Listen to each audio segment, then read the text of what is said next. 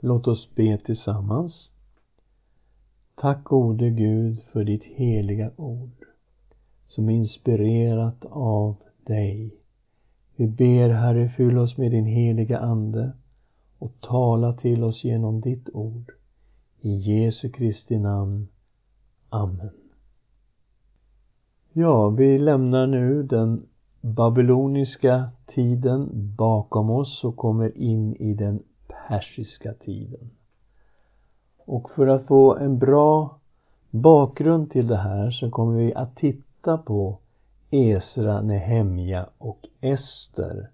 Och sen tar vi skriftprofeterna som är kvar. Hagai, Sakarja och Malaki. Och idag ska vi börja med att titta på Esters bok. Men vi ska ge lite bakgrund till det medisk-persiska imperiet. Det börjar ju då med Koresh 553 till 530 f.Kr. Han var kung av Persien och befälhavare av den medisk-persiska armén som intog Babel 539 f.Kr. Och Koresh var den som samma år lät judarna återvända till Juda och Jerusalem för att bygga upp templet. Och det här är någonting som jag läst tidigare. Det finns en märklig profetia i Jesaja kapitel 44, vers 28. Här är det Herren som talar. Jag är den som säger om Koresh han är min herde. Han ska fullborda allt jag vill. Han ska säga om Jerusalem. Det ska byggas upp och till templet din grund ska bli lagd på nytt. Ja, det är en ytterst märklig profetia. Och den är så märklig att många säger att det här kan inte vara skrivet före den persiska tiden. Det måste ju vara skrivet efter. Så här exakt kan ju inte en profetia vara. Men vi tror på en Gud som kan inspirera sina profeter. Han kunde inspirera profeten Mika till att profetera att Messias skulle födas i Betlehem. Och det gjorde han ungefär 700 år innan Jesus föddes. Så visst kan Gud inspirera Jesaja till att bära fram en sån här profetia om Koresh. Han är min herde. Han ska fullborda allt jag vill. Han ska säga om Jerusalem, det ska byggas upp och till templet din grund ska bli lagd på nytt. Och när vi kommer till Esra bok så finner vi att det var just det som hände. I Esra kapitel 1, vers 1 till 4. Detta hände i den persiske kungen Kores första regeringsår. För att Herrens ord genom Jeremia skulle uppfyllas påverkade Herren den persiske kungen Kores sinne så att han över hela sitt rike lät kungöra både muntligt och skriftligt. Så säger Koresh, kung av Persien, Herren, himlens Gud, har gett mig alla riken på jorden och han har befallt mig att bygga ett hus åt honom i Jerusalem i Juda. Den bland er som tillhör hans folk ska bege sig upp till Jerusalem i Juda för att bygga upp Herrens, Israels Guds hus och hans Gud ska vara med honom. Han är den Gud som bor i Jerusalem. Alla som finns kvar på varje ort där de bor som främlingar ska få hjälp av folket på orten. De ska få silver, guld, gods och boskap utöver det som frivilligt ges till Guds hus i Jerusalem.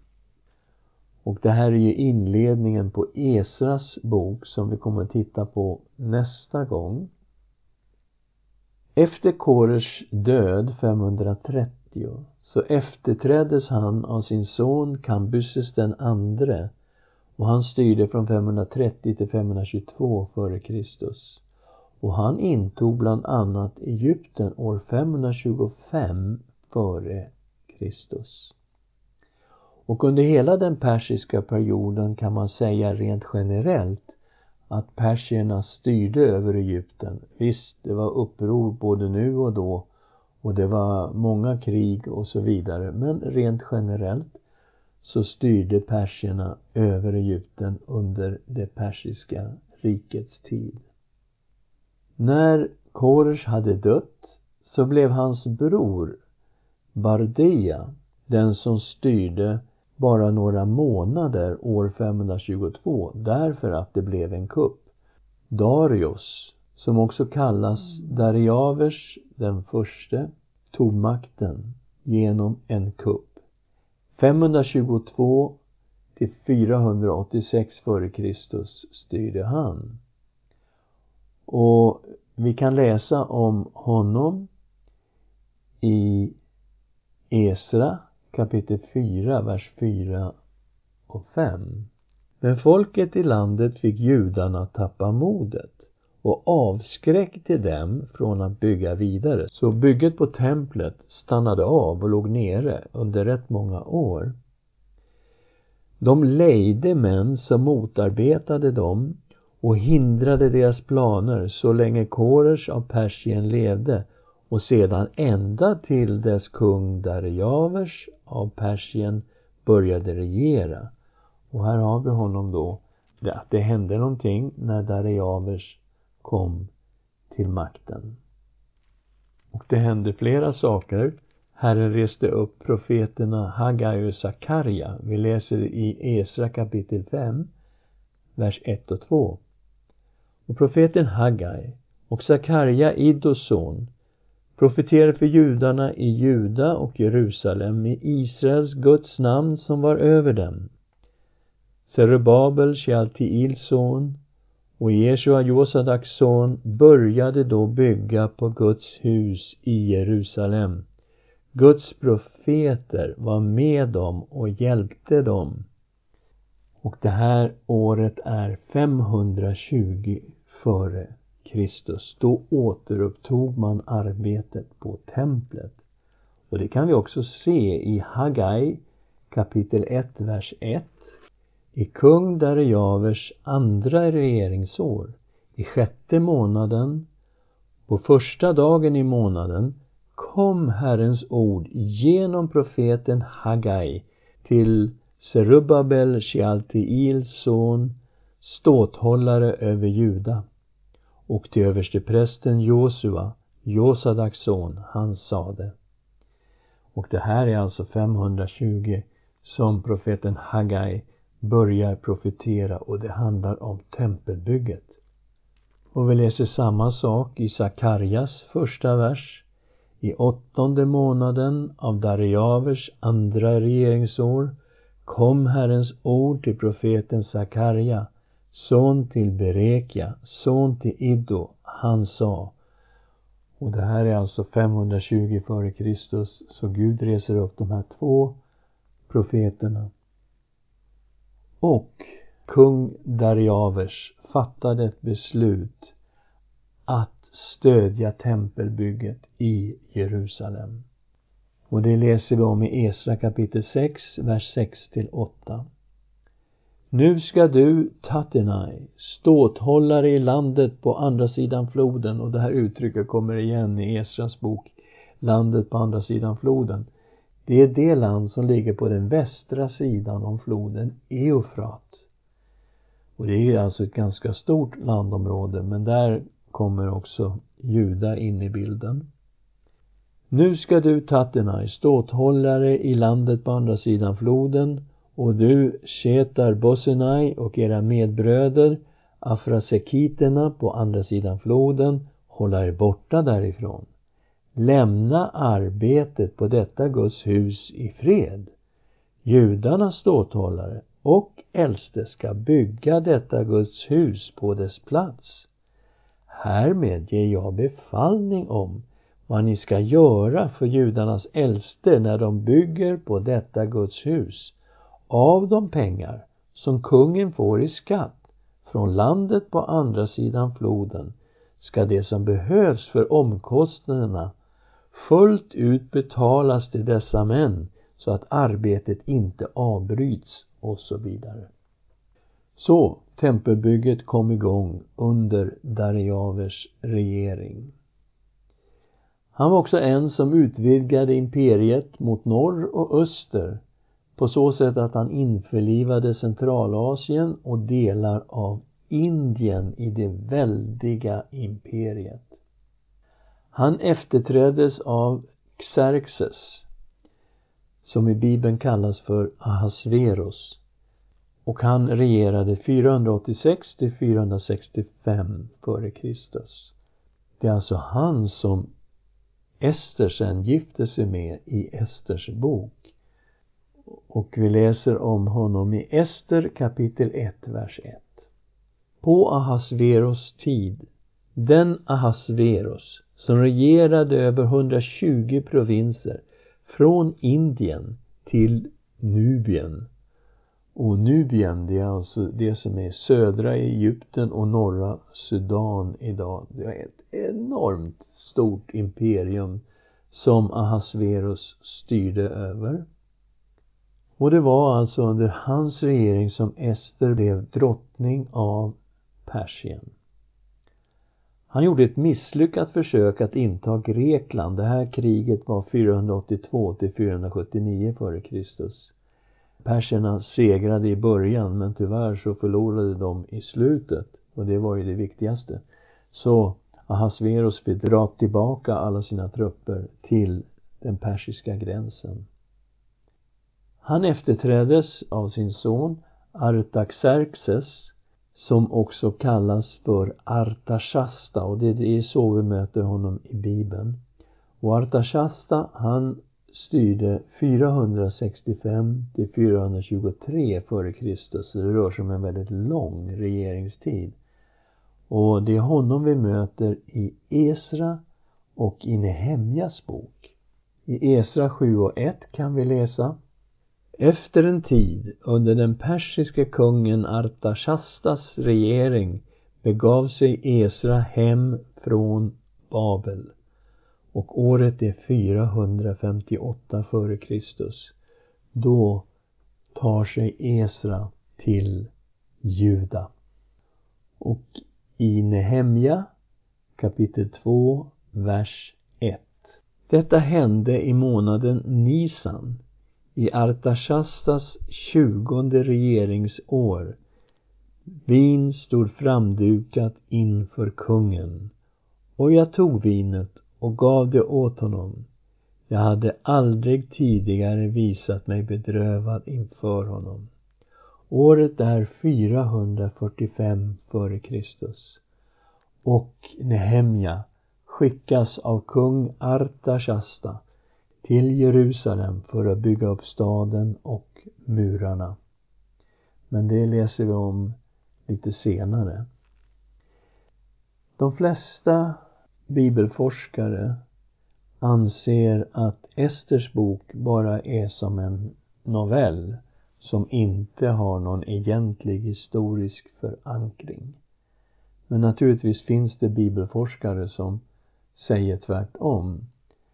En som heter Gerard Gertaud har i boken Queen of Esther, Wife of Xerxes, Fairy Tale or Real History i den boken har han gjort en noggrann genomgång av historiska källor.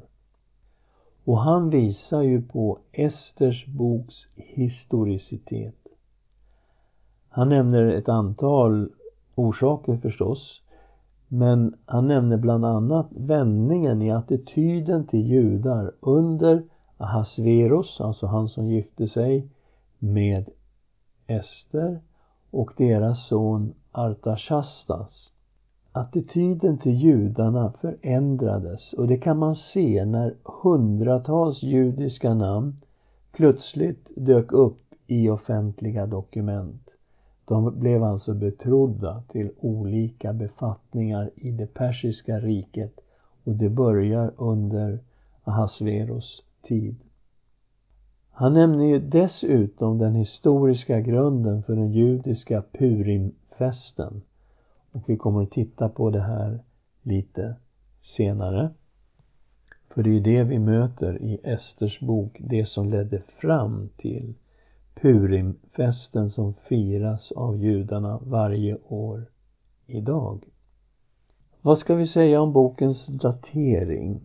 Ja, Esters bok beskriver händelser på Ahasveros, det vill säga Xerxes tid.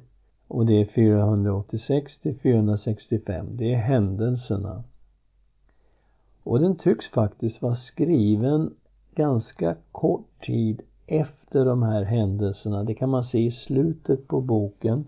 Man anar att det är som en efterskrift som kommer där i slutet med lite förklaringar om vad som hände. Gud är inte nämnd i boken alls. Men Gud kan faktiskt ses bakom allt som sker i den här boken. Man behöver inte säga hans namn, man ser honom ändå.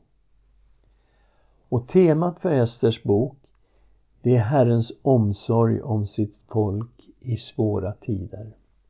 Det kommer vi att möta i Esters bok. Och så kommer vi då till själva berättelsen.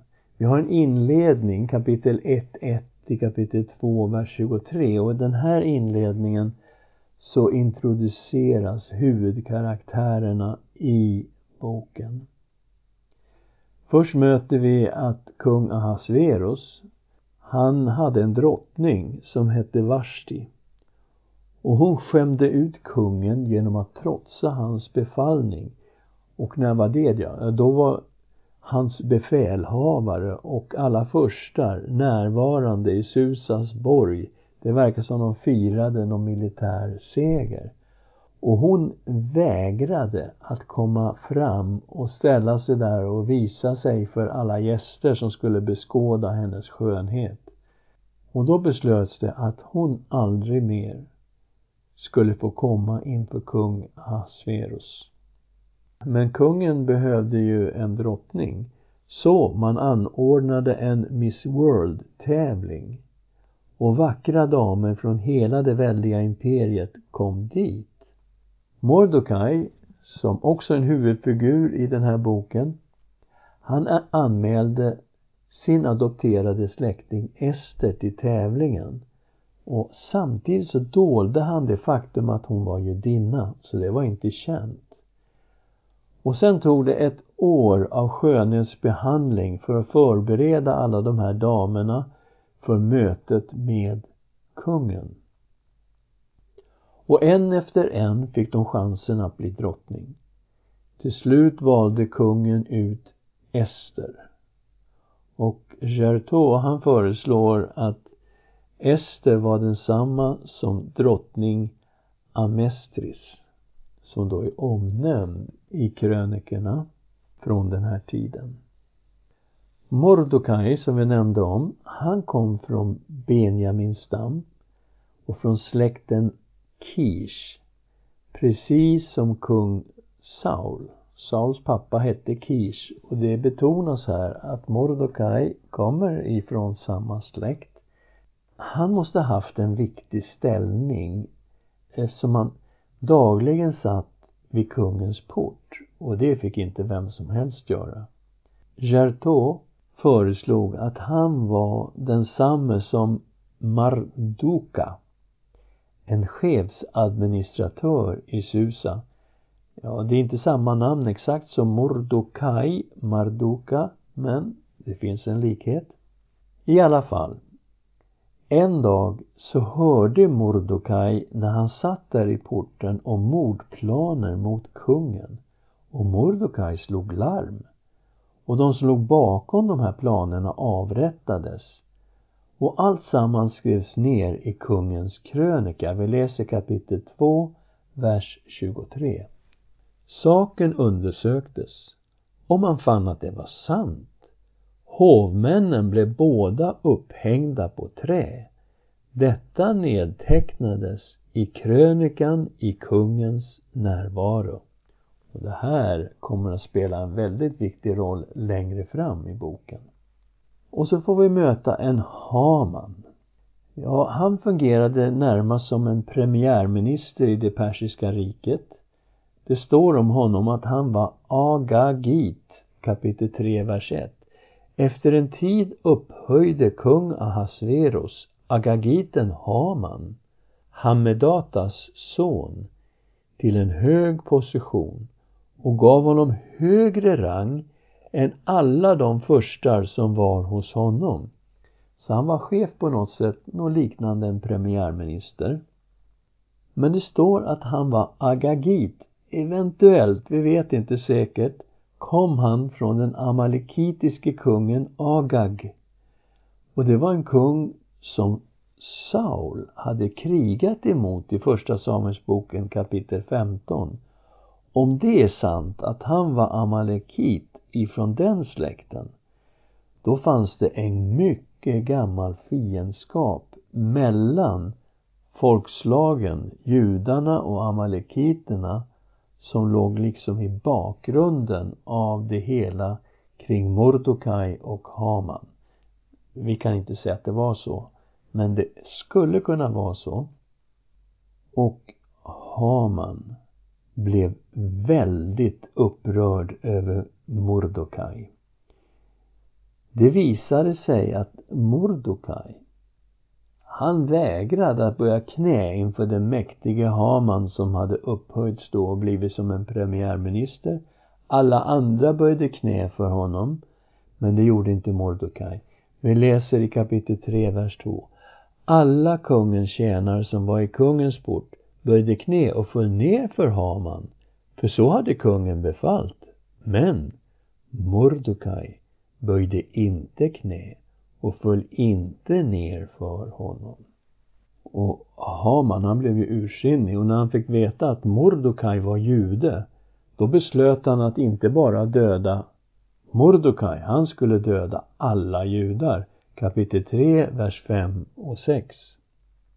När Haman såg att Mordokaj inte böjde knä och föll ner inför honom blev han ursinnig.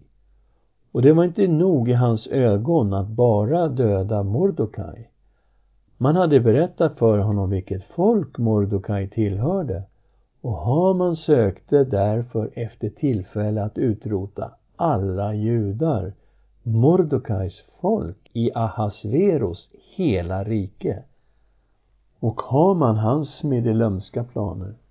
Han gick till kungen och utverkade tillstånd att få utrota alla judar i hela imperiet. Och det läser vi om i kapitel 3, vers 8 till 11.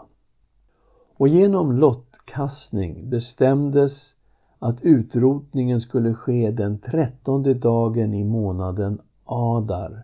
Den sjunde i tredje år 473 f.Kr. Då skulle judarna utrotas ur det persiska imperiet. Och det här med lottkastning, det är ordet pur och festen purim kommer från just det här ordet som har att göra med att kasta lott. Och vad gjorde Haman då? Han skickade en skrivelse med kungens sigill till alla provinser i det persiska riket. Och nu var judarnas existens hotad. Vad gör Mordokaj när han får reda på den här skrivelsen? Ja, då klär han sig i säck och aska. Han gick omkring i huvudstaden Susa och han klagade högt. Drottning Ester blev förskräckt och skickade ut kläder till Mordokaj. Men han vägrade att ta på sig kläderna. Istället skickade han ett bud tillbaka till Ester och bad henne att vädja till kungen för judarna. Men hon var rädd för att dödas eftersom ingen fick på eget bevåg gå in till kungen. Men Mordokaj, han gav sig inte. Han bad ännu enträgnare och ställde allting på sin spets. Så här står det i kapitel 4, vers 12 till 14. När man berättade för Mordokaj vad Ester hade sagt sa Mordokaj att man skulle ge Ester detta svar. Tro inte att du ensam av alla judar ska komma undan för att du är i kungens hus. För om du tiger denna gång kommer hjälp och befrielse till judarna från annat håll. Men du och din fars hus kommer att gå under. Vem vet, kanske är det just för en tid som denna som du har uppnått kunglig värdighet. Ja, vem vet Ester, det kan hända att Herren har haft sin hand i det här och att det är på en tid som denna som du har uppnått kunglig värdighet. Och så läser vi om hur Ester övertygade kungen. Och det var inte så enkelt för Ester att ta sig in till kungen, för det var strikt förbjudet för någon att gå till kungen om kungen inte själv hade bett en person komma.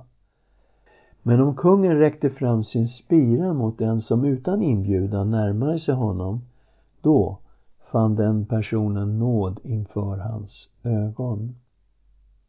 Och Ester, hon fick tillåtelse att möta kungen. Vi läser i kapitel 5, vers 2 och 3. När kungen såg drottning Ester stå på borggården fann hon nåd för hans ögon och kungen räckte ut guldspiran som han hade i sin hand. Då gick Ester fram och rörde vid spetsen av spiran. Kungen sa till henne, Vad vill du, drottning Ester? Vad är din begäran? Om det så gäller halva riket ska du få det. Och vad hon gjorde var att hon inbjöd kung Ahasveros och Haman till en festmåltid. Och när festmåltiden var över så inbjöd hon till en ny festmåltid dagen därpå. Haman han gick ju därifrån med muntra steg men han blev riktigt arg när Mordokaj inte ens rörde en fena inför honom. Vi läser i kapitel 5, vers 9. Den dagen gick Haman därifrån glad och väl till mots. Men när han fick se Mordokaj i kungens port och denne varken steg upp eller ens rörde sig för honom blev Haman rasande på Mordokaj. Men när han kom hem så skröt han över att just han hade fått äta med kungen och drottningen. Men han kunde inte låta bli att klaga över den här Mordokaj. Och på sin frus inrådan så satte Haman upp en 25 meter hög påle utanför sitt hus. Planen var att Mordokaj skulle hängas från Polen. Vi läser kapitel 5, vers 14 och 15. Då sa hans hustru Zeresh och alla hans vänner till honom Låt resa en påle, femtio alnar hög och be kungen i morgon bitti att man hänger upp Mordokaj på den. Då kan du glad gå till kungen till festmåltiden. Haman tyckte att det var ett gott råd och han lät resa pålen. Men den natten så hade kung Ahasverus lite svårt att somna. Så istället så bad han om högläsning ur hans krönika. Och man läste det ställe där det stod att Mordokaj hade räddat kungens liv. Och då frågade kungen om Mordokaj hade fått någon belöning för det. Ja, men det hade han inte fått. Tidigt på morgonen så kommer Haman eftersom han ville be om tillstånd att hänga upp Mordokaj på sin nyuppresta påle. Kungen förekom honom och bad om ett råd hur man på allra bästa sätt skulle kunna ära någon som kungen ville tacka. Haman, han var ju säker på att det måste vara han som skulle äras, så han la ett mycket djärvt förslag. Så här står det i kapitel 6, vers 7 till 9. Och Haman sa till kungen, till den som kungen vill hedra ska man hämta en kunglig skrud som kungen själv har burit och en häst som kungen själv har ridit på och som har en kunglig krona på huvudet. Skruden och hästen ska överlämnas till den av kungens förnämsta förstar. Man ska klä den som kungen vill hedra i skruden och föra fram honom ridande på hästen längs huvudgatan i staden och utropa framför honom Så gör man med den som kungen vill hedra. Ja, kungen tyckte att det var ett bra förslag och han gav Haman i uppdrag att hedra Mordokaj på det här sättet. Och för Haman måste det här varit en total personlig katastrof. Men så kom ju då den här andra festmåltiden och kungen och Haman var där. Och efter ett tag så ville kungen veta vad Ester hade på hjärtat egentligen. Och hon chockade honom med att be honom om att skona hennes liv och hennes folks liv.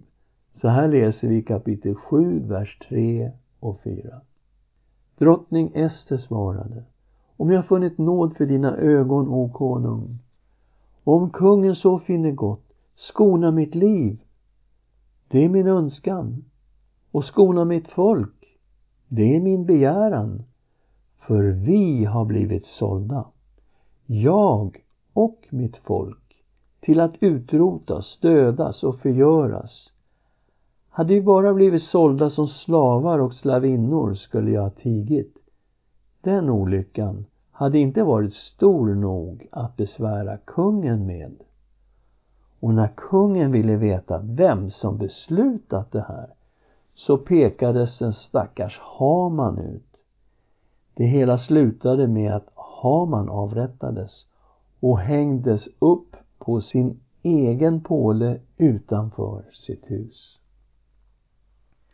Ja, nu var ju platsen som premiärminister vakant och Mordokaj fick ta Hamans plats som ny premiärminister i Persien. Men problemet var ju att Hamans skrivelse kunde inte dras tillbaka. Istället skickar man ut en ny skrivelse. Och den skrivelsen innebar att judarna fick rätt att försvara sig och till och med hämnas på sina motståndare i hela det persiska riket. När dagen kom, och det var ju alltså den sjunde i tredje, år 473 f.Kr så fick judarna hjälp av statsmakten att förgöra sina fiender. Under två dagar dödades 75 000 personer i det persiska riket personer som var fiender till judarna. Dagen efter uppgörelsen med sina fiender så firade judarna glädjen över att de istället för utrotning fick frälsning. Så det blev en glädjedag. Och Mordecai, han skrev ner allt som hänt och bestämde att Purimfesten, den skulle firas varje år den 14 och 15 i månaden Adar. Tanken då att ett folk som judarna skulle fira en nationell högtid som inte går tillbaka till en verklig historisk händelse, det är inte troligt. Det är verkligen inte troligt. Därför blir Purimfesten ett argument för Esters boks historicitet. Och så kommer vi till efterskriften som är en sorts avslutning av boken. Den sista versen, 10.3, går så här. Juden Mordecai var kung Ahasveros närmaste man. Han var högt ansedd bland judarna och älskad av alla sina bröder. Han sökte sitt folks bästa och talade för alla sina landsmäns välfärd. Och när vi nu gör en reflektion kring den här boken så tänker jag så här att boken skrevs troligen en kort tid efter de här händelserna. Att Gud inte nämns är helt säkert avsiktligt. Men en troende jude kan se Gud i alla stora och små detaljer i boken Det är som pusselbitar som hela tiden läggs på plats. Det går inte heller att bortse ifrån att Hitler hade samma mål som Haman, nämligen att utrota judarna som folk. Gud håller fortfarande sin hand över Israels folk, som gett oss nästan hela Bibeln. Men också Jesus Kristus, han som föddes genom jungfru Maria i Betlehem. Låt oss be tillsammans. Tack gode Gud för den här boken. Och även om ditt namn inte är nämnt i boken så kan vi se ditt verk bakom allt som sker genom hela den här berättelsen. Tack gode Gud att du vakade över ditt folk i en mycket svår tid och att du vände utrotning till frälsning. Tack att du håller din hand över ditt folk idag. Vi tänker på att du är vår Gud och att vi är en del av ditt folk. Och du är vår frälsare i livet, i döden och i uppståndelsen. Tack Herre för din frälsning. I Jesu Kristi namn. Amen.